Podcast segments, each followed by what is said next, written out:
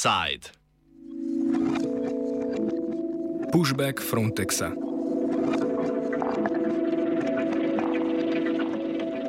Upravni odbor Agencije Evropske unije za zunanje meje Frontex je 29. aprila sprejel odstop direktorja Fabrisa Ležerija. Ležeri se je za odstop odločil potem, ko je na dan prišlo poročilo Evropskega urada za boj proti goljufijam OLAF. Olaf je postopek sprožil februarja lani, v njem pa bremeni ležerija in dva člana njegovega kabineta, da so namerno prikrivali izvajanje tako imenovanih pushbackov, ki jih je izvajal Frontex na Egejskem morju. Istočasno je v javnost prišlo skupno poročilo raziskovalnih novinarjev Der Spiegla, Guardiana in Lighthouse Reports, ki prav tako odkriva prikrivanje pushbackov na grški meji. Med marcem 2020 in septembrom 2021 naj bi Frontex sodeloval pri vsaj 957 pushbackih na Egejskem morju. Ležeri je bil tarča kritik že zadnjih nekaj let, predvsem zaradi neposredovanja pri kršitvah človekovih pravic, ki jih je posredno ali neposredno izvajal Urad za zunanje meje Evropske unije. Frontex je kot institucija nastal leta 2004. Iz manj pomembne institucije Evropske unije je na to leta 2015 postal glavni instrument skupne mejne politike, ki je izvajal nadzor nad evropskimi mejami ob številčnejšem prihodu beguncev iz Sirije. Istočasno s povečanjem pooblastil se je povečal tudi proračun urada in sicer kar za skoraj 20 krat glede na proračun iz leta 2006. Do leta 2027 naj bi urad zaposloval 10 tisoč novodobnih evropskih gr graničarjev, ki kontrolirajo tako kopensko kot morsko mejo Evropske unije, večino sredstev pa mu nudijo prav članice unije. Direktorsko mesto je od leta 2015 zasedal Ležeri. Pushbacki so nelegalna, a uveljavljena praksa ne le Frontexa, ampak številnih evropskih držav, tudi Slovenije, ki je od leta 2018 izvedla več kot 30 tisoč postopkov vračanja na Hrvaško. Več o nezakonitih vračanjih prosilcev za azil pove Iza Taler iz inicijative Infokolpa. Ta praksa je v bistvu, mislim, poteka že več let. Um, vem, obstajajo primeri iz 2013 in tudi prej. Um, in v bistvu je potekala um, do zdaj v bistvu na, nekako na vseh mejah, ne vem, na začetku recimo v Sredozemskem morju, potem um, v teh španskih enklavah v Maroku, Ceuta pa Meilija, um, potem pa so se pač poročila začela pojavljati iz um, Grčije, se pravi um, iz morja s Turčijo in Grčijo um, celotnega Balkana, pa potem tudi um, so vse čas poročila iz meje med uh, Francijo in Italijo. Zdaj pa, ko se je pač migracijska pot v zadnjem letu predstavljala um, na območje Polske, Litve, Latvije, pa pač smo takoj dobili poročila tudi iz tam. Um, se pravi, v bistvu iz vseh koncev. Um, mislim pa, da je to zato, ker v bistvu v vsem tem času, ko so se začela prva poročila, um, že pač tok let nazaj, pojavljati, praksa nikoli ni bila zares sankcionirana, ampak je bila v bistvu spodbujana. Nezakonita vračanja oziroma pushbacki se dogajajo na več načinov. Pri nas jih izvajajo zlorabljanjem bilateralnih sporazumov o vračanju. Pogosti so tudi nasilni izgoni, pri katerih so ljudje prisiljeni, da se vrnejo čez mejo, odkuder so prišli. V bistvu pač pushbacki, verižna vračanja, nezakonita vračanja se izvajajo pač na različne načine. Um, to pomeni, da recimo pri nas se izvajajo z, z zlorabo bilateralnih sporazumov o vračanju. Um, se pravi, ljudje so v bistvu prosilci za azil, ampak se jim pač odreče ta status in so na podlagi bilateralnega sporazuma vrnjeni na Hrvaško. Hrvati recimo to izvajajo um, z um, nasilnimi izgoni, kjer v bistvu z uporabo nasilja prisilijo ljudi, da pač prečkajo mejo nazaj po Bosno in Hercegovino. Ampak kaj je pa skupno vsem tem praksam, je pa to, da v bistvu vse kršijo načelo nevračanja, načelo non-refoulement ki pomeni, da um, nihče ne sme biti vrnjen v neko državo, na neko območje, kjer mu grozi um, pač nevarnost za mučenje ali nečloveško ravnanje. Um, druga stvar je pa še to, da za osebe bi morale biti, ko pač stopijo na neko ozemlje, obravnavane individualno in mogle bi biti neke temeljne pravice um, dane, spravi pravico do izjave, do prevoda. Vračanje ljudi čez južno mejo na podlagi sporazuma s Hrvaško so slovenska sodišča že spoznala za nezakonito. Prav tako pa so bile že veliko krat dokazane številne kršitve slovenske policije, ki je beguncem preprečila sprožitev postopka prošnje za azil.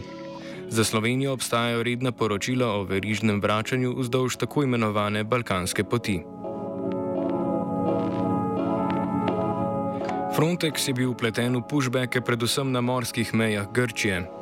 O vzrokih za ležerijo odstop z mesta direktorja Frontexa smo se pogovarjali s Klasom Van Dikenom z novinarskega portala Lighthouse Project, ki je raziskoval vračanje beguncev na Egejskem morju. We've, we've proved during the last two years, we proved that the Greek government pushes back asylum seekers at the border of, of Europe, of the EU, uh, back to Turkey when, when they come in boats. We also proved that in some cases, Europe's border agency, Frontex, is involved in these illegal practices. Um, but what we, we didn't know to which extent Frontex was involved in this. Um, so we obtained uh, Frontex own incident database. This is a database where they register all the incidents that happen in their uh, during their operations. Um, it's an it's a database with more than a million lines and 137 columns. Um, and we figured out how they register in that database um, these illegal uh, pushbacks. They call them prevention of departure, uh, which technically means that people who try to reach Europe to seek asylum are stopped by another country, so a non European country, um, and um, returned back to, to where they came from. Podatke, ki so jih pridobili od Frontexa, so primerjali s podatki, ki so jim jih posredovale različne nevladne organizacije in turška obalna straža. We matched this data to the, the data from, from other sources, uh, open source, uh, for example, from, um, from database from the Turkish Coast Guard, but also from NGOs um, and, and activists, and found out that Frontex is basically lying about the incidents. Um, so we found out that people were, for example, returned on Greek life rafts. So they weren't prevented from entering Europe. No, they entered already the EU. Then they were um, they were caught by or spotted by Frontex airplanes, uh, drones, or vessels. Uh, they were handed over to the Greek the Greek uh, Coast Guard. They were put on life rafts and towed back to Turkey. This is completely illegal um, and it's all in their own database. Poleg raziskovalnih novinarjev so kasneje raziskavo sprožili tudi pri preomenjenem Evropskem uradu za boj proti goljufijam OLAF. Kaj so ugotovili, pove Van Diken. Um, but the first report is apparently about uh, six pushbacks and how the management of Frontex covered these up. Um, And by saying six pushbacks, um, then again, I stress that we have the, the evidence that Frontex was actually involved in 22 pushbacks. Kot razloži Van Diken, je bil Frontex zelo uspešen pri prikrivanju nezakonitih vračanj. Tudi zato več let nihče ni odgovarjal zaradi teh kršitev. Um, quite good, or the management team is quite good in, in covering up things. There's a lot of information to, to go through, but also it's um, uh, it's it's it's very complicated. Um, uh, it's a very complicated matter. Um, Frontex is one of or the biggest agency within the European Union, um, so there's a lot at stake. Um, so whenever they do they do a report, um, they they have to be very careful, and they had to to speak to to a lot of people and go through a lot of uh, material uh, and, and and documents. Jaša Makaniko, raziskovalec in novinar iz organizacije State Watch, doda, da je Frontex prikrivanja opravičeval s tem, da so bila vsa nezakonita vračanja nujna za vzpostavitev miru na mejah. To pa je tudi vzrok, da se na področju pushbackov, ki jih je urad izvajal, več let ni nič zgodilo. Firstly, there is um, a new, it's as if apart from the raison d'etat that you have in uh, that you have at the national level, whereby for security reasons some kind of government can go beyond which that, what they're technically allowed to do. In this case, it's, it's as if there's been a, a, new level of raison d'etat added to that by the by the need to develop EU structures. So, regardless of what problems there were in Frontex's operation, the idea was that it was necessary and so that it should be protected. Po mnenju Van Dikena so članice tolerirale nezakonito obravnavo beguncev, ker tudi same hočejo agencijo, ki bo najstrožje in nezakonito obravnavala ljudi, ki v državah Evropske unije prosijo za azil. Officially, I would say that, that Frontex is not allowed to, to be involved in illegal practices like pushbacks. Um, but also, it is, it is also, in a way, what the European Union wants. They want an agency to be harsh on people that seeking international protection. Um, and um, I think that Legeri is, or they, they didn't uh, support Legeri any longer because he was involved in this practice or his agency. I think he, in the end, they didn't support him anymore because he wasn't able to legalize this illegal practice. So to find a way to to make pushbacks legal, or to cover them up completely, um, and he failed in doing that because this is again this is what, what the European Union wants. They they want to close the borders for people coming from, from Africa, from, from Syria and Afghanistan. Makaniko doda, da je Frontex zelo uporaben za Evropsko unijo, saj ga lahko vedno izrabijo za izgovor, češ da same ne izvajajo nezakonitih vračanj. And this is because, uh, in a way, Frontex serves as a fig leaf to allow the member states to do uh, to do uh, their worst in a way, because they provide uh, technical advice. Technically, they don't do anything apart from the joint operations, but uh, and everything is the responsibility of uh, member states. So it's kind of useful to have Frontex as um, as a sort of um, not a scapegoat, but a, a, a fig leaf. So that uh, if, if states get accused for what they do at the border, and Frontex have given have given some advice to be particularly strict, that's kind of a protection to states.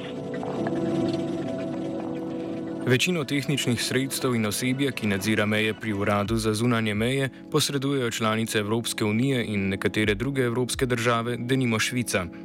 Delovanje Frontexa je tako močno odvisno od sredstev, ki jih dobi od evropskih držav. Te so bile leta 2020 odgovorne za 80 odstotkov vse opreme, ki jo uporablja Frontex. 98 odstotkov vseh plovil in letal, ki jih uporablja Frontex, pa je prav tako prišlo iz evropskih držav. Makaniko je mnenja, da bi se kot odgovor na zadnje ugotovitve ta podpora morala končati. Frontex is growing, it's expanding, the human rights violations are increasing wherever it turns its gaze. So, and it seems like there's nothing you can do about it because it's European. Now, it's European, but how are European agencies funded? They're funded by the member states. Where do they get their equipment? They get their equipment from the member states. Where do they get their personnel? One of the priorities was ensuring that there were sufficient protections for agents on Frontex missions so that countries would not be discouraged from uh, seconding people to, to, to Frontex because of fear that they may be they may have legal responsibilities for actions on Frontex missions, etc. So what they have tried to say is that it is possible to oppose Frontex from the national level and even from single nations because effectively there is money which is contributed in order to secure its functioning, but also now that uh, they are continuously expanding its budgets by so much, there's a possibility to have a kind of uh, to respond or react to these abuses by holding back some funding. Van Diken pove, da se z odstopom ležerija ne bo veliko spremenilo. Namestnica Aja Kalnaja smernic urada najverjetneje ne bo spreminjala. Edina možnost za prenovo urada se lahko zgodi, če bodo poslanci v Evropskem parlamentu imenovali novega primernega direktorja, ki ga mora potem nadzorni odbor Frontexa še potrditi. With the resignation of, of Ligeri, there is an opportunity for Frontex to to make a change in its policy um, and to respect human rights um, at at Europe's borders. But with the interim, um, the the new interim executive director, who comes from the direct close circle um, from Ligeri, I I'm worried that um, they will they will keep going where uh, what what they what they've been doing so far. Um, but it's on it's on the European Parliament to recommend um, the new executive director, and it's the management board of Frontex who has to appoint the um, executive director. So I'm hoping that they will choose someone who is outside Frontex and that they will really change its course. Kdorkoli bo prišel na mesto novega direktorja, bo po mnenju Dikena imel nalogo čim bolj normalizirati in, če bo mogoče, legalizirati nezakonita vračanja beguncev. I think so, and I think that the, the, the new executive director will um, will get the assignment to to make it legal to push people people back because that's the ultimate goal from from some of the people within the European Commission. Število smrtnih žrtev se je po poročanju Agencije Združenih narodov za begunce zaradi pushbackov leta 2021 podvojilo glede na leto 2020 in je preseglo število 3000. Ležeri je v svoji odstopni izjavi zapisal, da se je cilj mandata, za katerega je bil izvoljen, potiho, a zagotovo spremenil. Glede na izjavo bivšega direktorja Frontexa lahko sklepamo, da ta svojega načina delovanja ne bo spremenil, posledično pa bo k zgornji številki zgolj prispeval. Offside je pripravil Premrov.